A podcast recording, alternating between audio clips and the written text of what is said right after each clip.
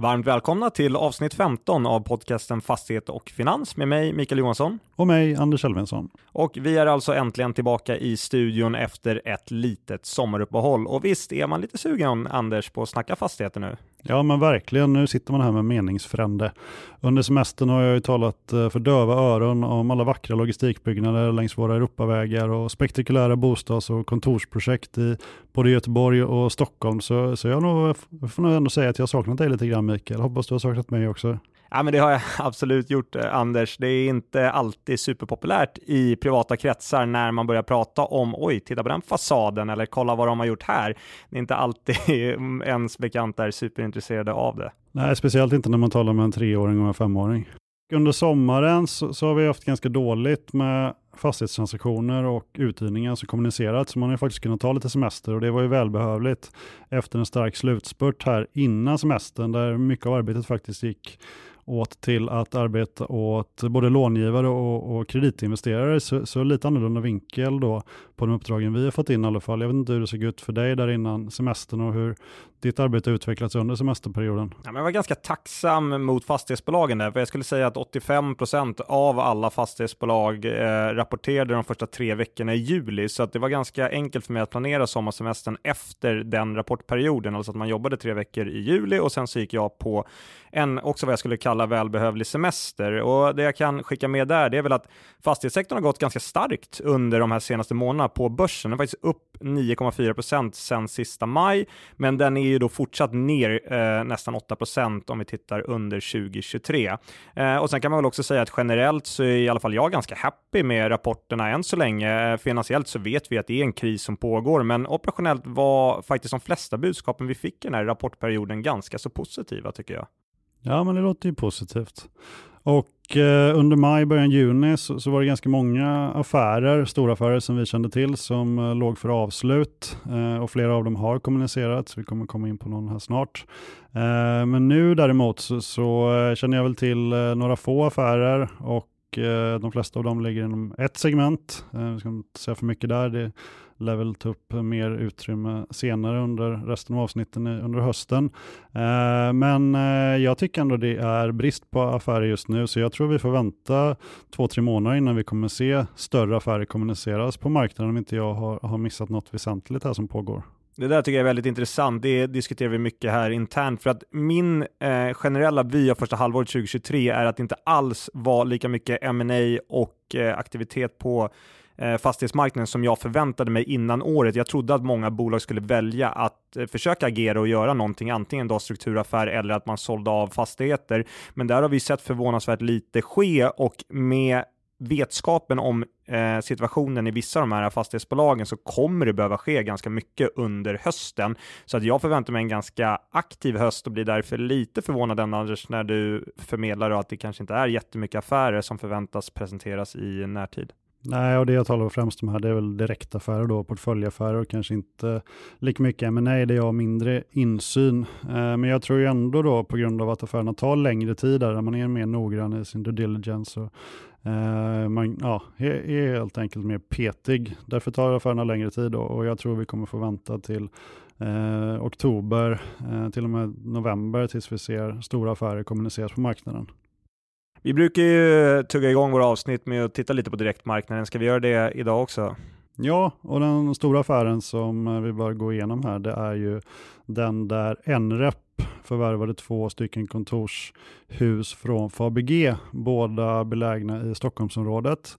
Vi har Orgen 7 i centrala Sundbyberg och sen tomträtten Glädjen 12 vid Stadshagen på Kungsholmen.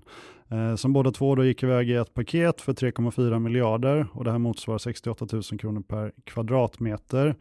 Ehm, um, Gilen kan jag inte säga så mycket om då vi har insyn i affären, men det är klart att det har skett ett skifte mot eh, ett, ett och ett halvt år tidigare. Eh, men jag tycker ändå denna affär är en eh, styrka och Eh, det jag efterfrågat lite tidigare avsnitt, det är just affärer med kontorsfastigheter som inte ligger i bästa läge eller i bra innerstadslägen, utan som ligger i lite mer perifera lägen. Och, och, här har vi den typen av affär. Däremot så eh, är det ju väldigt bra produkter eh, som nu NREP eh, köper. Och försäljningen här är ett led i att eh, Fabege ska fortsätta koncentrera sig till utvalda expansiva marknadsområden såsom Solna och Flemingsberg, där bolaget för närvarande har flera stora kontorsprojekt under eh, produktion. Och affären innebär ju också att Fabeges balansräkning stärks ytterligare och ger utrymme för fortsatta investeringar i stadsutvecklingsprojekt. Eh, så vad är din take på den här affären Mikael? Är det ett styrkebesked att Fabege lyckas få iväg de här kåkarna?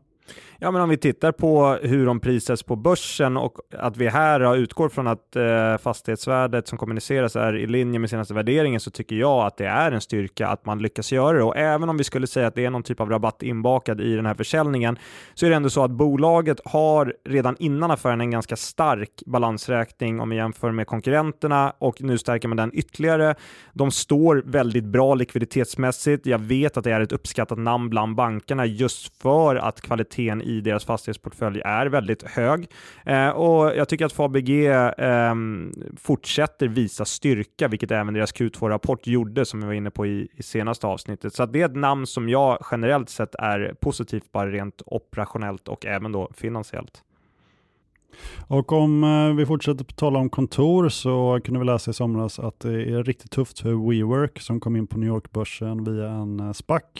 Bolaget har gått från knappt 12 dollar per aktie då det noterades i oktober 2021 till att idag handlas kring 0,15 dollar per aktie. Alltså här ser vi en nedgång med nästan 99 procent och det är det till och med sämre än min egen aktieportfölj som senast igår åkte på ytterligare ett bakslag när Nibe svek förväntningarna. Eh, ett sidospår. Om vi ska fortsätta tala om WeWork så har ju de en anläggning i eh, Stockholm i AMFs Urban Escape. Eh, när jag var i Miami för ett knappt år sedan så roade jag mig med att gå in på ett WeWork och fick en genomgång av lokalerna. Bolaget hade då en drive där man kunde hyra en flexibel kontorsplats för 199 dollar per månad och man kunde då nyttja alla bolagets center runt om i världen och det där lät ju nästan lite för bra för att vara sant tyckte jag. Jag fick ju eh, funderingar på om man själv kanske skulle testa någon utbytesmånad eh, någonstans. En svensk motsvarighet är Convendum eh, som har riktigt fina anläggningar, främst här i Stockholm. Och eh, de har växt på sig med ytterligare yta här under flera års tid. Eh, dock kunde man se här när de rapporterade 2022 års resultat att eh, det är eh, väldigt negativa siffror de uppvisar. Eh, så jag börjar ju undra lite om det finns en ekonomisk framtid för flexibla kontor. Det finns uppenbarligen en efterfrågan, men hur ska man få det lönsamt? Och senast att satsa på flexibla kontor var Atrium Ljungberg eh, som eh, gick in i A-house och A-house har ju en av sina anläggningar i gamla arkitekturhögskolan på Östermalm. En byggnad som blivit utsatt till en, en av Sveriges fulaste hus. Och Eh, här spelade jag faktiskt in i ett poddavsnitt i somras av podcasten Finansfokus, där Albin och Douglas intervjuade mig om fastighetsvärdering. Och om ni inte tröttnat på min röst efter detta avsnitt så kan jag rekommendera er att lyssna på det avsnittet. Jag har faktiskt lyssnat på det avsnittet Anders, jag tycker det var en väldigt bra avsnitt, så jag rekommenderar alla att eh, ta sig tiden och lyssna på det. I brist på affärer här i Sverige senaste månaden så eh, kan vi väl gå in på vad, vad, på vad svenska bolag gjort i utlandet och här har ju Sagax satt sprätt på delar av de pengarna som bolaget tog in via nyemissionen tidigare år. Hedin Mobility Group eh, sålde i en sale en leaseback-affär 16 fastigheter belägna i Nederländerna, Belgien, Tyskland till Sagax. Och I samband med tillträdet kommer Hedin Mobility Group att ingå triple net som är 10 år i snitt. Och Sagax investering här uppgår till motsvarande 1,1 miljarder lite drygt, inklusive transaktionskostnader. Hyran uppgår till ungefär 77 miljoner per år eh, och är indexerad med KPI. Eh, och beroende på hur kostnadssidan ser ut så talar vi alltså om en yield strax under 7% vilket jag tycker känns attraktivt sett till eh, hyreslängd och motpart. Och även i Spanien har Sagax varit i farten där de förvärvat en terminal och lagerportfölj med 19 fastigheter för motsvarande 760 miljoner. Årshyran här uppgår till 59 miljoner och uthyrningsgraden är även här 100%. Hyresavtalens genomsnittliga återstående löptid är 3,7 år och eh, också här är det trippel netavtal. Eh, återigen, kostnadsfrågan, lite hur man räknar på det långsiktiga underhållet och, och vilka kostnader som fastighetsägaren ändå måste ta trots triple net. Eh, men det är beaktat, om, om man då schablonberäknar det här så borde yielden ligga på en bit över 7 eh, Också det är attraktivt. Tycker du att eh, Sagax gör rätt när de spenderar pengarna på det här viset, Mikael? Ja, men det tycker jag. Det här är ett bolag som länge har haft fokus på kassaflöde och det är det som gör eh, ihop med den här nya missionen. Det är det som tillåter bolaget att vara så här pass aggressiva i den här miljön. Kan de eh, investera de här pengarna till 7% avkastning så är jag ganska säker på att man har räknat relativt noggrant på Sagax innan man gör de här affärerna och det kommer visa sig vara bra investeringar i långa loppet. Och det är lite som vi har pratat om innan, att jag exempelvis då tycker att det är bättre för många bolag att inte, att man inte skulle ha delat ut i år för istället göra just den här typen av investeringar. Att köpa fastigheter på 7% avkastning tror jag, givet att det då är bra fastighet såklart underliggande om man får tag i det. Men eh, givet att det är så, så kommer det visa sig vara väldigt fina affärer i långa loppet som Sagax gör. Så jag, jag tycker att det är helt rätt att ett bolag med deras finansiella profil väljer att hämta eget kapital för att växa i det läget vi befinner oss i, absolut.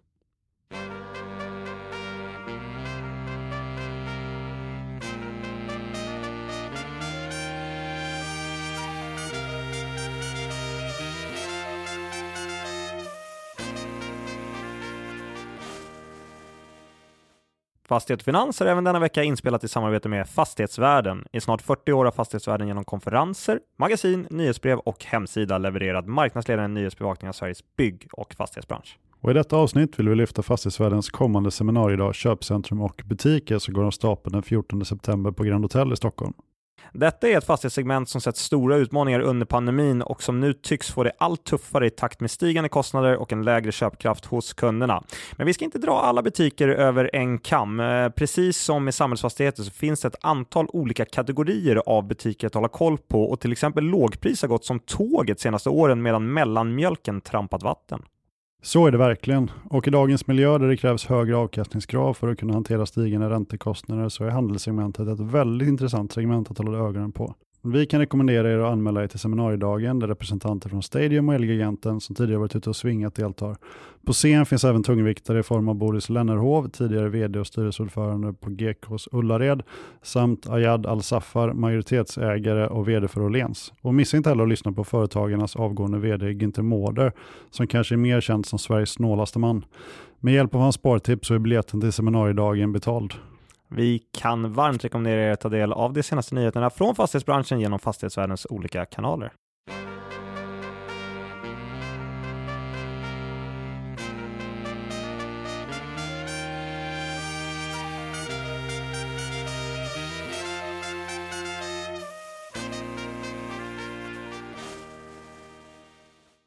Efter att Studentbostäder i Norden släppt sin Q2 så meddelade bolaget att de avser att genomföra två emissioner. En riktad emission och en företrädesemission till ett värde av cirka 100 miljoner till en teckningskurs om en krona per aktie. I ett första steg så planeras en riktad nyemission till storägarna Fastator, SBB och Sveabank, vilka har ingått teckningsåtaganden om att teckna aktier för totalt 50 miljoner och därtill planerar bolaget en företrädesemission till samma teckningskurs. Och här är storägaren Otterfund och som åtagit sig att delta och teckna aktier till totalt 20 miljoner kronor. Och deltagarna i den riktade emissionen kommer inte delta i företrädesemissionen, skriver bolaget. Syftet med emissionen är att sänka skuldsättningen samt förstärka likviditeten. Och behovet av likviditet är också orsaken till den riktade emissionen, att den genomförs först. Samma dag så meddelades även att bolaget ingått icke bindande avsiktsförklaring om avyttring av bolagets fastighetsportfölj i Köpenhamn till ett värde om totalt 2,1 miljarder och i och med försäljningen tar bolaget en förlust om cirka 170 miljoner kronor. Mikael, jag vill ju veta lite mer om din syn på eh, hur läget är för studentbostäder i Norden just nu efter de här nyheterna. Men bolaget är ju i en väldigt tajt position, vilket ovan aktioner vittnar om såklart. Och jag tror personligen, om jag ska ge någon vinkel här, så tror jag att supporten från aktieägarhåll kombinerat med försäljningen i Köpenhamn är väldigt viktiga steg när man snart ska in och förhandla med obligationsägare då kovenanten kopplad till räntetäckningsgraden ser ut att brytas i nästa kvartal, i alla fall enligt vår estimat och det verkar väl vara konsensusvyn i marknaden om vi tittar på vad deras obligation handlar och vad Nordic Credit Rating har skrivit om bolaget. Så att det gäller ju att man visar en vilja från Eh, ägarhållet att faktiskt supportera bolaget om man ska få med obligationsägarna på skutan och sen så handlar det ju alltid om likviditet och den försäljningen i Köpenhamn är väldigt viktig för att i alla fall kunna erbjuda en del amortering av obligationen som förfaller nästa år. Så att det här är ett bolag som är i en tuff position, men de har nu eh, tagit steg mot att försöka lösa situationen i alla fall kortsiktigt så får vi se hur det spelar ut sig. Investerare av alla de slag har under senaste året zoomat in på SBB och lite i skymundan så tycks även Heimstaden AB och Heimstaden Bostad dragit åt sig deras intresse. DNB gick ut med en tuff analys tidigare i veckan som DI plockade upp och i morse släppte Heimstaden AB och Heimstaden Bostad sina rapporter. Mikael, hur ser läget ut? Har du någon kommentar på DNBs analys? Ja, Anders, eh, buckle up som man säger. Här kommer eh, vad jag skulle vilja kalla för en jäkla rant. Då. Eh, jag vill först och främst förtydliga egentligen två saker. Det ska vi vara noga med att säga att analysen från DNB gjordes av en av deras sales och var inte en av deras analytiker som eh, stod ba bakom, i alla fall så som jag har förstått det. Och sen så vill jag också förtydliga för er som lyssnar nu att Heimstaden-koncernen är en relativt komplex struktur där man dels då har Heimstaden AB med obligationer utestående som alltså är ett av ägarbolagen i eh, Heimstaden Bostad som är bolaget som främst äger då själva fastigheterna, alltså tillgångarna och där är även Alecta en av de stora ägarna. Så i den här strukturen är det ganska lätt skulle jag vilja säga att hamna lite snett om man inte satt sig in i detaljerna och när jag nu pratar om det här ska jag försöka vara så tydlig som det bara går, men det gäller verkligen att hålla eh, tungan rätt i munnen. Så om vi börjar med rapporterna som släpptes idag för eh, den här koncernen så tycker jag att Heimson Bostads rapport, den var mer eller mindre i linje med våra förväntningar. Topplinjen missade med en halv procent, tillväxten i jämförbart bestånd var bra på 5,7 procent, vakansgraden hände inget nämnvärt med och kreditnyckeltalen var väl väldigt nära våra estimat. Sen är det fortfarande så att belåningsgraden ligger lite väl högt och räntetäckningsgraden är lite väl svag, så det kommer behöva ske saker här. Eh, och sen så ligger ju såklart fokus framgent på de enorma obligationsskulderna som ska refinansieras och där pratar man i kolet idag väldigt mycket om att det ska ersättas under de närmaste ett och ett halvt åren i alla fall med säkerställd bankfinansiering. Bolaget har cirka 14 miljarder att ta hand om närmaste året i totala skuldförfall eh, medan kreditlinjer är 17,7 miljarder och man har 8 miljarder i cash på balansräkningen. En viktig skillnad mot SBB vill jag också poängtera är att obligationsmarknaden är inte stängd för Heimstaden Bostad på samma sätt, även om prisnivåerna skiljer sig markant mot tidigare för bolaget. Tittar vi på Heimstaden AB så rapporterar man mer eller mindre en oförändrad ägarandel i det operationella bolaget. Eh, det ligger på ungefär 37 procent. Totala tillgångar på pappret är 57 miljarder och totala skulder, om vi inkluderar då hybridinstrumenten i Heimstaden AB, det är på 23 miljarder kronor. Rent likviditetsmässigt så klarar man sig till och med hösten 2025, givet att man väljer att inte kola hybriden. Eh, behöver inte gå in i mer detaljer kring det. Eh, och då också om man får en rimlig utdelning från Heimstaden Bostad ska jag tillägga. Eh, jag tänker inte alls gå i fejd med personen på DNB eller kommentera deras analys publikt för den delen heller. Eh, deras åsikter och slutsatser får, får, stå för dem. Det jag däremot kan säga allmänt är att Heimstaden är som sagt inget man plockar upp på uppstuds, utan det är, det är någonting man måste lägga väldigt mycket tid på att försöka förstå hur strukturen faktiskt är uppsatt. Och bara lite kort några punkter som då är viktigt, det är att det finns två olika typer av preferensaktier, eller det finns faktiskt ännu fler olika typer av preferensaktier i den här koncernen. Och de fungerar väldigt olika beroende på om de är listade eller inte listade. Och det är en sak som jag tycker många som tittar på det här inte riktigt har förstått att preferensaktierna i Heimstaden Bostad inte fungerar som traditionella preferensaktier gör när det gäller straffränta på ut Eh, utdelning som uteblir. Eller om man exempelvis ska räkna fram ett NAV i Heimstaden Bostad så blir det blir ganska ointressant att titta på det i, ur det traditionella sättet som vi hade gjort i ett listat fastighetsbolag, utan det måste man eh, beräkna annorlunda i min mening. Och sen så måste vi också titta närmare på utdelningspolicyn och förstå att de olika ägarna i strukturen har olika incitament att, eh, att trycka igenom utdelningen eller då eh, motsätta sig den. Så det finns en ganska viktig del i Heimstaden-analysen att förstå vilka incitament de här olika ägarna har och också vad de har valt att göra historiskt där Alecta exempelvis har valt att skicka tillbaka den utdelning man har fått som då nytt eget kapital tillbaka in i Heimstaden Bostad. Eh, och det finns också ett aktieägaravtal som reglerar ägarstyrningen i bolaget, varför den här röstmajoriteten som Heimstaden AB har i Heimstaden Bostad, den blir egentligen oväsentlig skulle jag nästan vilja säga i slutändan, trots att många hänger upp sig på att de äger eller kontrollerar 50,1% av rösterna. Sen den sista poängen då, det är just hur deras portfölj ska prissättas. Så Ja, här är väl egentligen bättre att du pratar Anders, men det som jag kan störa mig lite på, eh, det är självklart håller jag med att det här avkastningskravet som man nu har på 3,4 procent, det ser, det ser för lågt ut givet där underliggande räntor eh, är. Samtidigt så går det inte att applicera värderingsgilden i andra transaktioner rakt in på hela Heimstaden bostadsportfölj. Vi pratar om totalt 340 miljarder idag i ganska många olika länder runt om i Europa med olika förutsättningar, olika underliggande marknader, olika regioner och kanske framförallt eh, olika kvalitet. Eh, så att försöka applicera vissa eh, Yielder som har skett här i Sverige rakt av på hela deras bestånd, det tycker jag att göra analysen väl enkel. Ehm, så att det här är ett väldigt intressant case. Det blir väldigt spännande att följa. Jag tyckte management i Heimstaden Bostad gjorde en bra insats på dagens call och eh, jag ser fram emot att återbesöka ämnet under hösten för att se hur det utvecklar sig. Och det kommer vi definitivt göra. Om vi ska röra oss vidare in på två noterade bostadsutvecklare, då har vi Jakob Karlsson på K-fastigheter som gick ut och sa att han såg massa ljusglimtar. Och sen Einar på Titania som vädrade morgonluft i samband med att man har lyckats trycka upp presumtionshyrorna till helt nya nivåer, nästan marknadshyror påstod han i den artikel jag läste. Och det här var i samband med bolagens rapporter. Är det här eh, någorlunda desperata ord från två utvecklare som har det lite kärvt eller är det så att vi börjar se en ljusning i den här sektorn och, och liksom hur handlas aktierna på den här typen av utvecklare på börsen just nu? Ja, alltså vi börjar se en ljusning vette fasiken. Eh, Titanias aktie går fortsatt väldigt svagt. Den handlas väl runt femstrecket jämfört med toppen på 24 kronor som den aktien nådde ganska snabbt efter börsintroduktionen i slutet på 2021. K-fastigheter, de ligger runt 16-17 kronor. De började året runt 24-25 kronor, så eh, man är ned ganska rejält, eh, både i år men även från toppen då, som de eh, nådde tidigare på ungefär 90 kronor. Så eh, jag, jag, vet inte hur mycket ljusare det är. Då. Men ska vi kommentera någonting från bolagens rapporter så kan vi säga att Einar, han, som du är inne på Anders, han lyfter ju styrkan i, i eh, nyproduktionsmarknaden och, och framförallt Stockholm väldigt mycket. Och han, han skrev i vd-ordet att det har skett en revolution i det tysta när det gäller hyressättningen av nyproduktion i och runt huvudstaden. 20-25% upp sedan start 2022 nämndes som en indikation.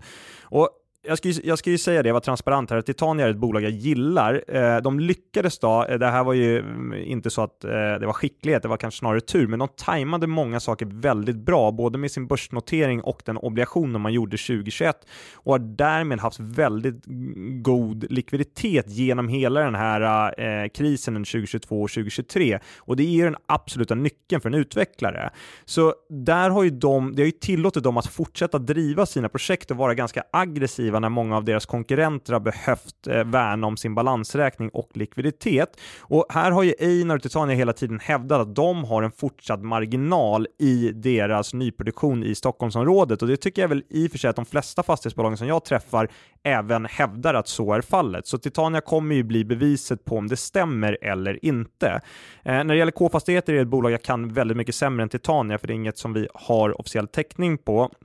Eh, men här kan man väl självklart fundera på om K-fastigheter, likt Titania, kan kompensera för den här kostnadsinflationen och ränteökningarna med högre hyror i sin nyproduktion. Eh, de har ju en lite mer utspridd portfölj i landet än vad Titania eh, har. Och sen är det också så att K-fastigheter har ju tidigare haft en hel del externa uppdrag i sin bygg och entreprenaddel och där säger man själva att 2023 är relativt säkrat men att det finns viss frågetecken för kapacitetsutnyttjandet under 2024. Så för att någonstans svara på din ursprungliga fråga, eh, jag tvivlar på att börsanvänt kappan efter vinden, om vi ska säga här, kring de här aktörerna, utan att man fortfarande anser att de står inför en hel del utmaningar under hösten. Eh, men uppenbarligen eh, så verkar både Einar och Jakob hoppas, eller kanske tror jag, att eh, vändningen är på väg och att rätt väg framåt är att gasa sig ur krisen snarare än att försvara sig ur den. Och kan väl lägga till att vi har också sett eh, ett stort och starkt tryck uppåt på förhandlade presumtionshyror för eh, nyproducerade hyresbostäder här i Stockholmsområdet senaste ett och ett halvt åren. Men eh, 20-25 procent är väl kanske lite i överkant. Jag tycker liksom även 10-15 procent på ett och ett halvt år är, är, är väldigt starkt. En liten udda fågel här på börslistorna i Sverige är ju Eastnine och de lyckades avyttra den ryska moderkedjan MGF vad ser du för framtidsutsikter för Eastnine? Har du någon kommentar till försäljningen Mikael?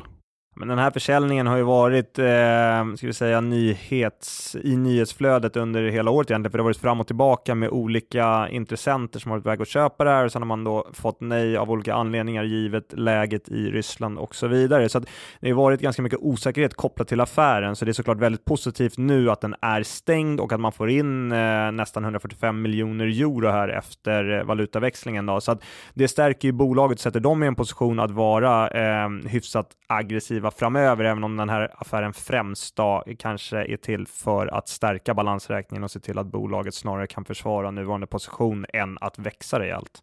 Ytterligare ett bolag som inte är ett renodlat eh, fastighetsbolag, även om Eastnine nu kanske är det då efter den avyttringen, är Västbygg. Och här läste jag att bolaget inte klarar av att uppfylla kovenanterna. Har du någon kommentar på det Mikael? Ja, men precis, de har ju inlett ett eh, skriftligt förfarande för att ändra obligationsvillkoren och de är inte ensamma om att behöva göra den typen av åtgärd nu under hösten. Eh, det kommer eh, vara många fler som behöver göra det här. Men Västbygg är ute och försöker få obligationsägarna mot en liten amendment fee som man kallar det, att göra om villkoren och det är helt enkelt för att, ja, givet nuvarande eh, förutsättningar så kommer man bryta vissa kovenanter. Eh, så att det är ju en, det är väl ingen hemlighet att vissa av de här entreprenadbolagen har en väldigt eh, tuff tuff situation och Västbygg är inget undantag från det.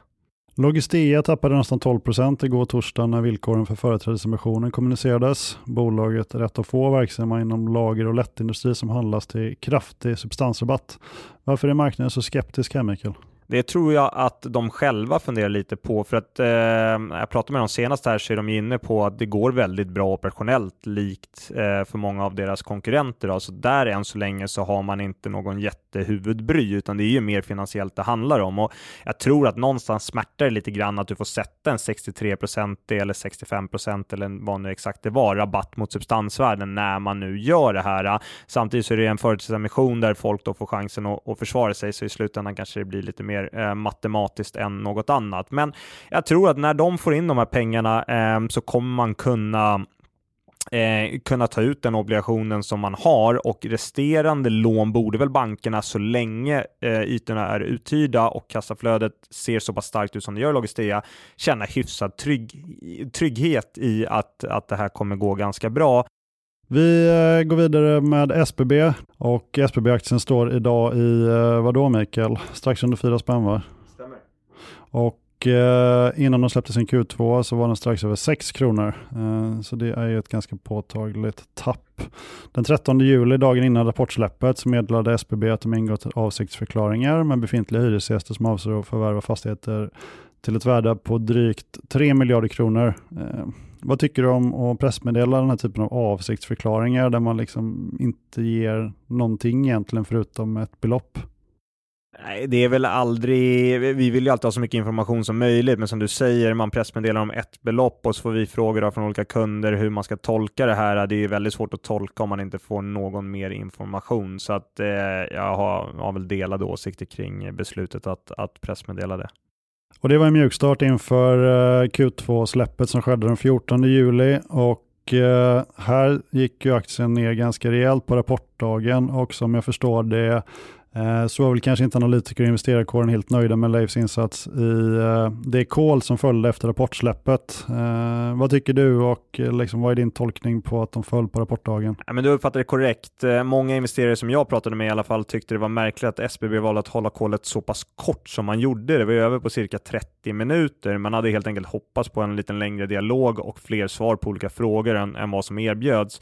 Men utöver det så kan jag ju säga det att vår förväntan i alla fall och kommentar till marknaden marknaden innan börsen öppnade den dagen när rapporten kom, det var att aktien skulle falla på rapporten då man brände på de alltså diverse olika rader i rapporten, även om vissa budskap i den, kanske framförallt då det nya managementteamet, att de har tagit i med hårdhandskarna och vill städa upp. Det är klart att det var positivt, men när vi tittade på vissa parametrar i rapporten så var de ganska negativa och det borde det, eh, det, det, det föranledde att vi eh, eh, trodde att aktien skulle falla, vilket visade sig då vara korrekt, även om den handlade upp lite i inledningen. Så att, eh, det var väl en mix av att folk faktiskt läste igenom rapporten och insåg att okej, okay, den här kanske inte var riktigt så bra som vi hoppades på i kombination med att vissa var lite besvikna på insatsen i analytikerkålet. Och sen den 21 juli, och här har ju SBB en historik av att meddela en positiv nyhet samtidigt som de meddelar en negativ nyhet. Eh, då var det just detta som skedde. Den negativa nyheten var att de exklusiva diskussionerna med Brookfield hade avbrutits och den positiva nyheten var att SBB bildar eh, bolag, eller ett dotterbolag med fokus på bostadsfastigheter tillsammans med en av Morgan Stanleys fonder som går in med 2,4 miljarder i det nya bolaget där de då får eh, preferensaktier. Och här riskerar jag väl bli lite långrandig men det är väl viktigt att veta vad som faktiskt stått i kommunikationen och sen din tolkning av det. Det är ju så då alltså att det nybildade dotterbolaget SBB Residential Property AB ingått avtal om kapitalanskaffning med en investeringsfond som förvaltas av Morgan Stanley Real Estate Investing, MSREI. Enligt avtalet kommer SBB Residential Property AB emittera preferensaktier för 2,36 miljarder till det här bolaget MSREI och efter transaktioner kommer detta bolag inneha en minoritetsandel i SBB Residential Property AB. Men SBB kommer fortsätta kontrollera, driva och konsolidera SBB Residential Property eh, AB som för närvarande består av hyresreglerade bostäder i Sverige med ett verkligt värde på 6,2 miljarder per 30 juni 2023. Eh, och här blir jag ju då väldigt intresserad Mikael. Det verkar inte bara vara jag som inte riktigt förstår hur den här strukturen kommer se ut och liksom för och nackdelar för de båda parterna. Eh, det står att de ska ha en minoritetsandel av Morgan Stanley eh, samtidigt som de går in med nästan 2,4 miljarder med fastigheter värderade till 6,2 miljarder. Jag får liksom inte riktigt ihop det. Nej, men vi ska väl försöka hjälpa till då. Men Eh, om vi börjar med just den affären och så kan vi gå in lite på Brookfield sen, eh, så är min första fråga till dig Anders, du sa att det var en positiv och en negativ nyhet. Är det här egentligen positivt? För att det positiva är ju såklart att man får in likvida medel i SBB och att man på sikt får då möjlighet, givet upplägget som jag tolkar det, att vara långsiktig ägare av tillgångarna. Men med det sagt, det här bidrar ju vidare till mer icke-transparens och gör SBB mer svåranalyserat något mitt svar på din fråga faktiskt kommer visa, för i det här skedet så vet vi faktiskt inte hur strukturen ser ut på detaljnivå. Eh, eller då information kring exakt hur de här preferensaktierna fungerar. Så det är som sagt väldigt många frågetecken som kvarstår. Jag misstänker att olika typer av så kallade picklån kommer vara av intresse för fastighetsbolag i det här skedet. Det är alltså att man bygger på en skuld snarare än att betala ut ett löpande kassaflöde. Och på så sätt så kan man ju brygga krisen här och nu lite enklare, men få ge bort uppsida då down the road. Så spontant tror jag att det är den här typen av upplägg som gäller i SBB och preferensaktiefallet då, i den bostadsportföljen, men jag vet som sagt inte det. Eh, och för parterna blir det kanske lite av en win-win, även om det för SBB då såklart är ett onödigt ont. Men de får ju in kapital för att kunna refinansiera sig på kort sikt, medan aktören som investerar mest troligen då inte är i behov av ett löpande kassaflöde som avkastning på sina pengar, utan snarare tittar på totalavkastningen efter fem år. Men eh, okej, okay. för det stod något om en 13% i årlig internränta här. Eh, så efter fem år, då kan de lösa in de här preferensaktierna och få Eh, det de betalar från början plus 13% gånger 5. Är det så jag ska tolka det? Ja, men det skulle kunna vara så som upplägget är, absolut. Och att man då inte har betalat det ut under åren som går, utan att det ackumuleras och betalas tillbaka på eh, förfallodagen istället. Men jag vet som sagt inte, och det är det här som jag menar min kritik mot den här typen av upplägg gör att det är väldigt svårtolkat för oss på den publika sidan, för vi vet inte vilka villkor som gäller i, den här, i det här upplägget och vi vet inte heller vilka rättigheter, det stod om exiträttigheter för då den här fonden efter fem år. Vad exakt är det för exiträttigheter man har till vilka villkor och hur kan SBB blanda sig i det här? Alltså att det finns väldigt mycket frågetecken kvar som gör att jag tycker att det är väldigt svårt att bedöma om det här är positivt eller inte. Eh, om vi kopplar tillbaka också bara lite snabbt då till eh, Brookfield så är det klart att marknaden tolkade det väldigt negativt att man inte kom överens när man tidigare pressmeddelat om exklusivitet. Och någonstans så indikerar ju det att Brookfields värdering av tillgångarna måste vara ganska långt under bokfört värde. Annars tror jag att en deal hade gjorts här. I börsens vy av SBB så finns det en väldigt stor riskpremie inbakad i värderingen och mycket av det relaterar ju till refinansieringsrisken. En risk man delvis hade kunnat lugna marknaden med genom att få igenom den här transaktionen. Så jag skulle väl säga att en obotlig optimist, de skulle väl uttrycka sig på sättet att det är positivt att SBB inte är desperata nog att sälja på vilken nivå som helst. Men jag tror ändå att realisten någonstans landar i att det var väldigt negativt att saker och ting utvecklade sig just på det här sättet och i alla fall att inga nyheter kring det här intragrupplånet lämnades i samband med beskedet om att de här exklusiva diskussionerna med Brookfield hade avbrutits. Om vi går vidare så den 24 juli skrev eh, Dagens Industri att ett antal av SBBs fordringsägare ställde hårda krav på SBB. I ett brev kräver obligationsinnehavarna, bland annat om Blackrock och Anchorage Capital Group, att SBB utser två nya styrelseledamöter och en omstruktureringschef. Vidare ska fler finansiella detaljer i SBBs senaste avyttringar tillkännages och skälen till oförklarlig kassabränning måste motiveras. Annars hotar brevskrivarna som lånat ut nästan 23 miljarder kronor till SBB via obligationer och har anlitat investmentbanken PJT som rådgivare Eh, då hotar de då att SBB kommer dras inför domstol och investerarna hävdar att en betydande andel av dem anser att SBB har brutit mot lånekonvenanterna som vi tidigare har diskuterat. Och eh, det kommer då verka för att SBB försätts på obestånd och om inget händer tillräckligt snabbt så, så är det det här de kommer verka för. Eh, Mikael, vad är det som har hänt efter detta utspel? Det är väl uppenbart så att de inte har tillsatt nya styrelseledamöter och omstruktureringschef? Nej, det har inte hänt någonting publikt i alla fall vad, vad jag vet om. Eh, men det man kan säga är att deras utspel visar visar ju ändå något som jag tror många aktieägare och bolagsledare tvingas inse under 2023, nämligen att kreditgivare och i detta fall då obligationsägare har väldigt mycket makt. Eh, I goda tider så använder ju bolagen i Sverige i fastighetssektorn och obligationsmarknaden nästan som en bankomat kändes det som. Men de här lånen kommer ju med skyldigheter gentemot långivarna som i sin tur har makt att ställa till med problem för bolaget om bolaget ej håller sig till de överenskomna förutsättningarna. Så Även om ingenting har hänt än så länge så ska det här bli väldigt intressant att följa och alla som är intresserade av SBB borde hålla väldigt noga koll på den utvecklingen. Den 28 juli meddelade kreditbetygsinstitutet Standard Poor att de sänker fastighetsbolaget SBBs långsiktiga kreditbetyg till eh, CCC plus från BB minus och utsikterna framåt bedömdes även som negativa. Eh, vad har du för kommentar på den här sänkningen och vad innebär den framåt? 8 maj till 28 juli. Låt, låt det sjunka in lite. 8 maj till 28 juli. Mellan de datumen så har SBB nedgraderat, eller SBB, förlåt, har S&P nedgraderat SBB från investment grade till triple C+. Ratingfirmor pratar ju mycket om att rata genom cykeln.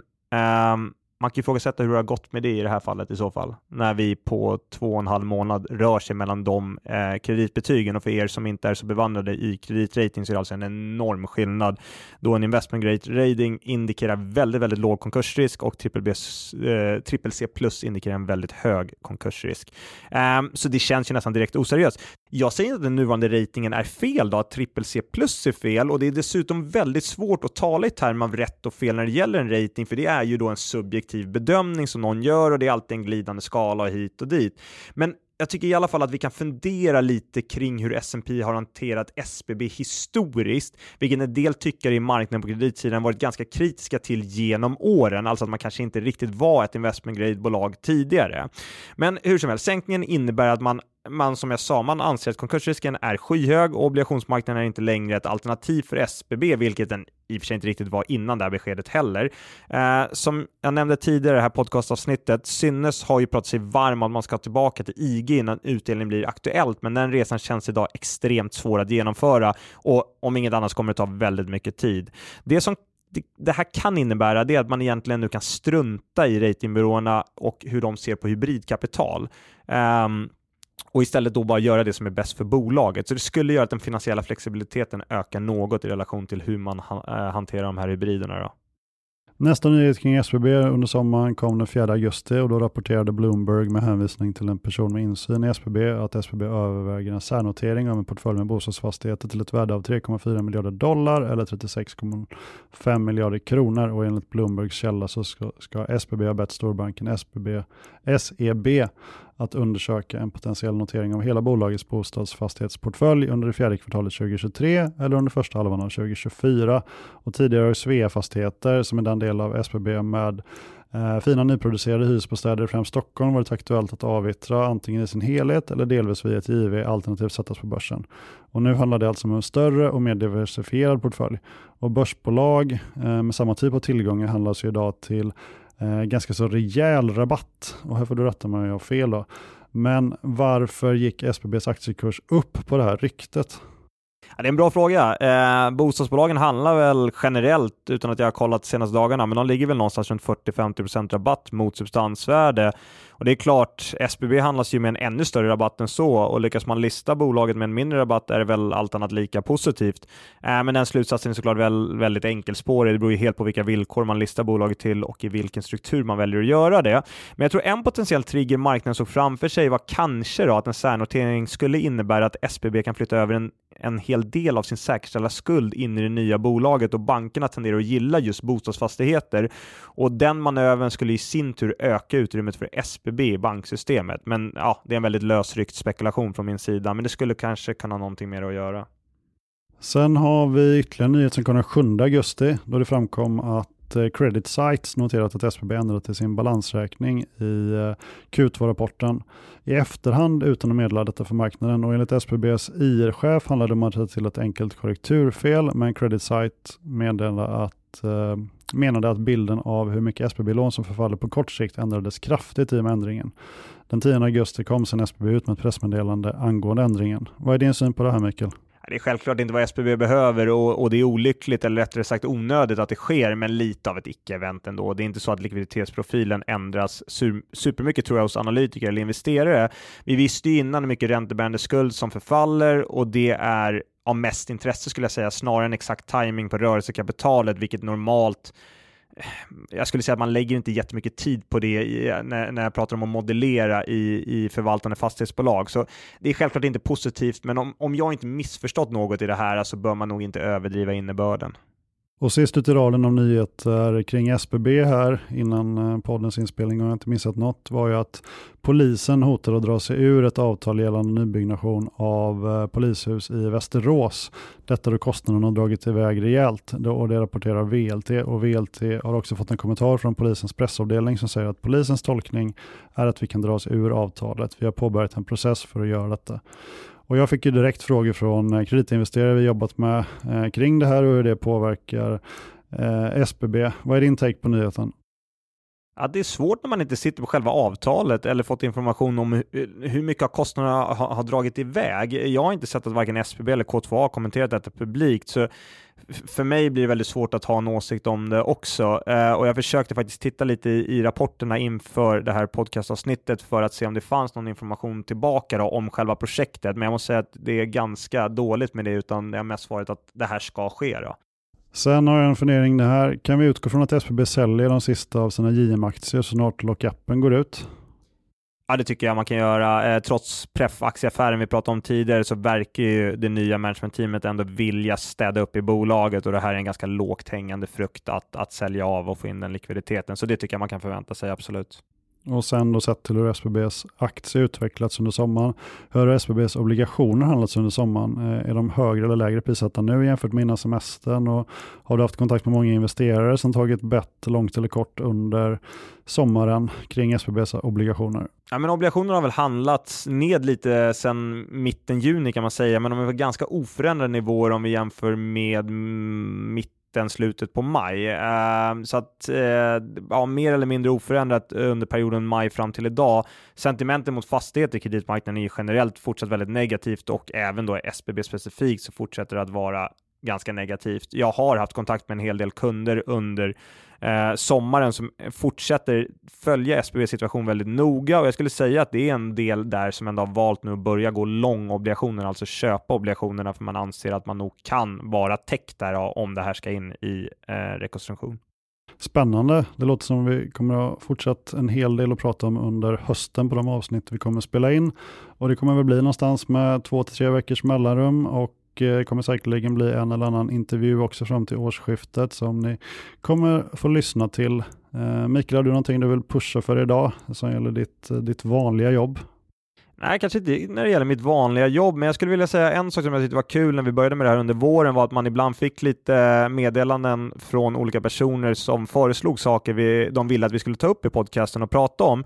Ehm, så det får ni gärna fortsätta göra, så ska vi försöka att beta av de ämnena under våra avsnitt i, i, i höst. Då. Och jag kan väl pusha för att eh, jag i min roll som eh, ansvarig för värdering och strategisk rådgivning på Cushman Wakefield gärna träffar er om ni vill höra mer om vår syn på marknaden eller om ni vill beställa fastighetsvärderingar av era fastigheter inför bokslut eller förvärv eller vilken anledning det nu kan vara. Ja, men jättebra, då kan vi väl passa på att tacka våra samarbetspartners. Det är Fastighetsvärden, det är Arctic Securities och det är Cushman Wakefield. Vill ni på något vis samarbeta med oss eh, i den här podcasten så kan ni kontakta oss på LinkedIn eller höra av er till vår gmail och det är fastighetfinanspodcastgmail.com. Sen blir man ju lätt lite slapp över sommaren, men vi ska inte glömma vår vanliga disclaimer, vilket är att allt jag och Anders har sagt i denna podcast ska inte tolkas som varken en köp eller säljrekommendation i något finansiellt instrument. Ja, det är bra, för det luktar nästan lite köprek vid ett tillfälle här under avsnittets gång. Det dementerar jag starkt. Allting var neutralt. Helt rätt. Så stort tack allihop för att ni lyssnade. Ha det bra.